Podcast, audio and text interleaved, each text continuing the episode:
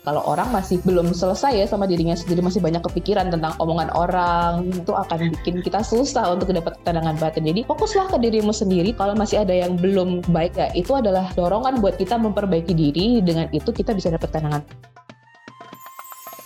Eh, udah mau buka puasa aja nih. Nyari tajil yuk. Ayo, ayo. Tapi bingung mau pesan apa ya? Semuanya enak lagi. Hmm. Udah santai aja. Nih, gue udah beli gorengan, lontong, es buah, dan jangan lupa nasi padangnya. Hahaha, udah ready aja makanannya. Kalau gitu, yuk sambil dengerin takjil hari ini.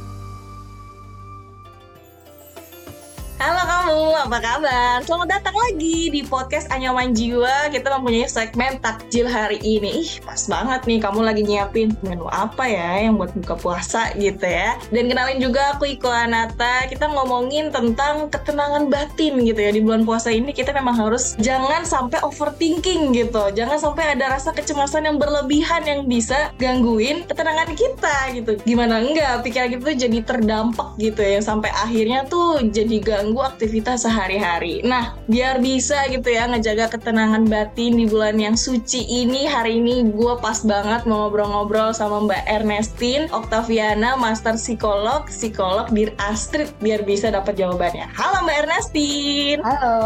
Kita ketemu lagi, kita mau ngobrol-ngobrol nih Mbak, ngobrolin tentang ketenangan batin nih, pas banget gitu ya. Lu dijelasin ya sih Mbak, sebenarnya apa sih maksudnya ketenangan batin itu dan kenapa seseorang tuh perlu banget gitu punya ketenangan batin gitu. Oke, ketenangan batin ya. Ketenangan batin ada dua kata nih, ketenangan sama batin gitu. Jadi ada kondisi batin yang tenang. Batin itu kan mental ya. Jadi kayak sesuatu yang kita nggak bisa lihat tapi kita bisa rasakan ya gitu. Jadi ketika kita mm -hmm. ada di situasi yang kita itu konten gitu sama sesuatu yang kita rasakan. Jadi kayak kita merasa udah terpenuhi semua kebutuhannya, kita bisa merasa damai, kita merasa terpenuhi kebutuhan-kebutuhan emosionalnya gitu. Jadi ketika kita merasakan ketenangan batin, kita rasa kita tuh udah puas gitu udah cukup dengan apa yang kita alami sehari-hari gitu. Dan ketika orang mengalami ketenangan batin tuh jadi kayak ngerasa udahlah udah cukup semua muanya ini aku udah ngerasa puas jadi aku nggak ngerasa butuh mengejar sesuatu yang di luar kemampuanku lagi itu ketenangan batin. Oke biasanya tuh apa aja sih orang tuh kayak sulit ngedapetin ketenangan batin gitu? Atau mungkin karena emang overthinking atau cemas sendiri atau gimana? Hmm, ketenangan batin itu susah didapatkan ketika kita itu nggak live in the moment ya. Kita nggak di present hmm. dengan apa yang kita alamin sekarang. Nah, orang yang yeah. tenang batinnya itu kan ya udah dia ada di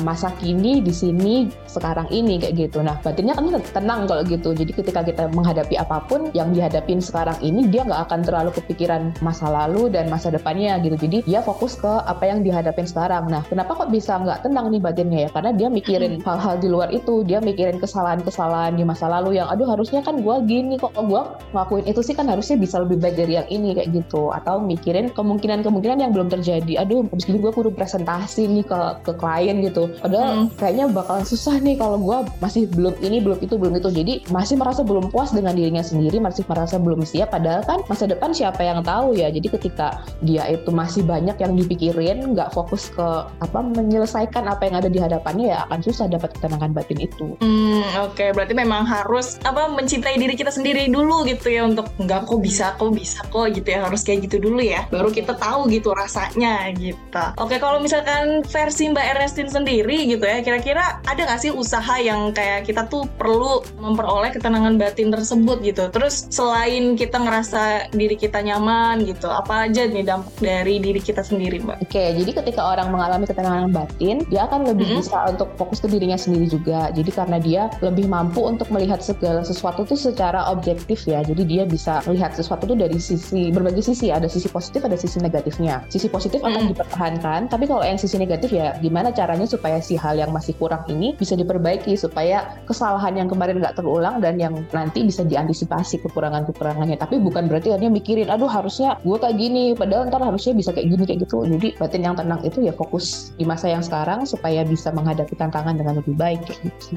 Oke terus kira-kira ada nggak nandain kalau kita tuh udah punya gitu ketenangan batin sendiri gitu? Tuh ada nggak nggak ciri-ciri spesifiknya gitu Mbak Ernestin? Tadi Mbak Iko juga udah sempat bilang kalau orang yang batinnya tenang itu bisa mencintai diri sendiri. Itu salah satu ciri-cirinya ya. Jadi acceptance. Hmm. Jadi dia menerima kondisinya apa adanya kayak gitu kan. Dan ketika dia ada kesalahan, dia menerima juga kesalahannya. Padahal kadang-kadang kita tuh juga diajarin kita tuh nggak boleh salah kayak gitu kan. Padahal kesalahan yeah. tuh hal yang wajar. Kita sebagai manusia berproses untuk jadi sosok yang lebih baik itu kudu salah dulu kayak gitu kan. Kita tahu kita salah, kita menerima kalau kita salah dan kita berusaha untuk berbagi kesalahan itu. Jadi ketika kita punya batin yang tenang itu ya kita kita bisa menerima kondisi kita, kekurangan kita, kelebihan kita dan kita juga akhirnya fokus ke hal-hal itu aja. Jadi nggak nggak mikirin orang lain bakalan mikir apa nih tentang aku. Nah itu kebanyakan orang-orang yang batinnya nggak tenang itu mereka asumsi pikiran kepalanya itu isinya dengan asumsi kayak, aduh kalau gua kayak gini orang lain mikir apa ya kalau gua pakai baju hitam kayak iya. gini tuh orang bakalan mikir ih berarti dia gloomy kayak gitu kan. Padahal kalau orangnya batinnya tenang dia ngelakuin sesuatu itu enjoy dia nggak akan fokus ke pikiran orang lain orang lain akan akan punya asumsi apa tentang dirinya ya dia fokus ke dirinya sendiri itu jadi salah satunya ya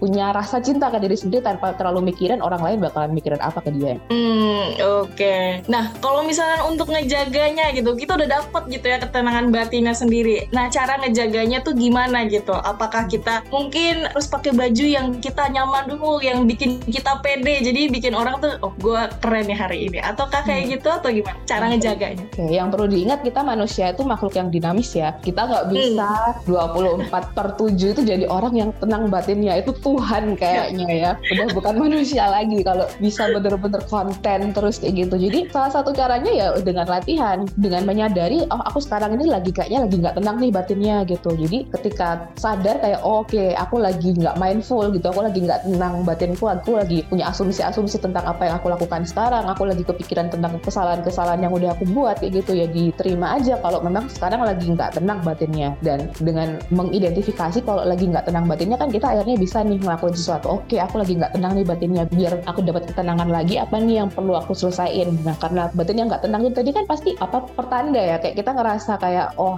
berarti ada sesuatu nih yang perlu dibenerin ada sesuatu yang belum selesai kayak gitu. Nah mm-hmm. jadi ketika kita memang belum tenang ya nggak apa-apa. Kayak gitu kita cari tahu apa yang bikin nggak tenang kita selesaikan. Jadi bukan perkara aduh berarti harus apa sih namanya punya postur ter, tubuh tertentu supaya punya ketenangan batin terus kayak gitu ya atau pakai pakai aromaterapi biar oh bisa chill kayak gitu. Yeah. Nah, sih ya latihannya ya dengan be present dengan mengenal kita diri sendiri diri sendiri itu loh dengan kita tahu apa sih yang bikin kita itu jittery, apa sih yang bikin kita itu cemas, apa sih yang bikin kita kepikiran dengan kita identifikasi hal-hal itu itu kita bisa kayak dieliminasi juga misalnya batinku tuh gampang uh, tertekan ketika aku ketemu bosku kayak gitu. Apalagi kalau ketemu bos bosnya pas bosku itu belum sarapan. Jadi ya udah kita bisa ngelakuin sesuatu dengan apa namanya nawarin makanan. Eh tapi ini bulan puasa ya. Jadi misalnya kita atau lakukan sesuatu yang kita bisa nenangin diri dulu ketika kita akan menghadapi hal yang bikin kita nggak tenang. Jadi dengan kita mengenal diri sendiri kita tahu trigger-trigger apa yang bikin kita nggak tenang batinnya kita bisa eliminasi atau kita bisa hadapi dengan cara-cara yang proporsional gitu. Oke, nah gitu ya Sobat Medio berarti memang harus mengelola di kita sendiri dulu gitu Baru bisa tuh dapetin ketenangan batin tersebut. Terakhir nih Mbak Ernestine gitu. Ada nggak pesan-pesan lagi gitu buat pendengar kita gitu ya lagi puasa Untuk tetap bisa menjaga ketenangan batinnya? Ketenangan batin itu juga hal yang sedang kita latih ya selama kita lagi berpuasa ini. Nah dan kita wajar banget merasa nggak tenang di saat-saat tertentu. Itu manusiawi. Dan untuk bisa mempertahankan dalam kondisi kondisi batin yang tenang ya kita harus identifikasi dulu situasi-situasi apa sih yang bikin kita nggak tenang. Ketika kita udah tenang oh aku tenang itu kalau aku di situasi yang seperti ini. Aku tenang ketika aku di situasi yang seperti itu gitu. Dengan kita mengenali diri kita akan bisa dapetin nih yang namanya ketenangan batin. Kalau orang masih belum selesai ya sama dirinya sendiri masih banyak kepikiran tentang omongan orang itu akan bikin kita susah untuk dapat ketenangan batin. Jadi fokuslah ke dirimu sendiri dan hal-hal baik yang sudah kamu lakukan. Kalau masih ada yang belum baik atau masih dirasa kurang ya itu adalah dorongan buat kita memperbaiki diri. Dengan itu kita bisa dapat tenangan batin nanti. Oke oke terima kasih banyak Mbak Ernestine udah ngobrol-ngobrol hari ini pas banget juga kamu mungkin sudah siap-siap mau buka puasa dan terima kasih juga buat kamu ya Sobat Media udah dengerin Anyaman Jiwa bersama dengan uh, Mbak Ernestine kalau misalkan kamu pengen banget uh, konsultasi online atau offline boleh loh langsung mampir aja ke websitenya Dear Astrid di dearastrid.com com. Oke, selamat berbuka puasa dan sampai jumpa di episode selanjutnya. Dadah! Sampai jumpa! Gimana? Seru kan? Tungguin episode selanjutnya ya.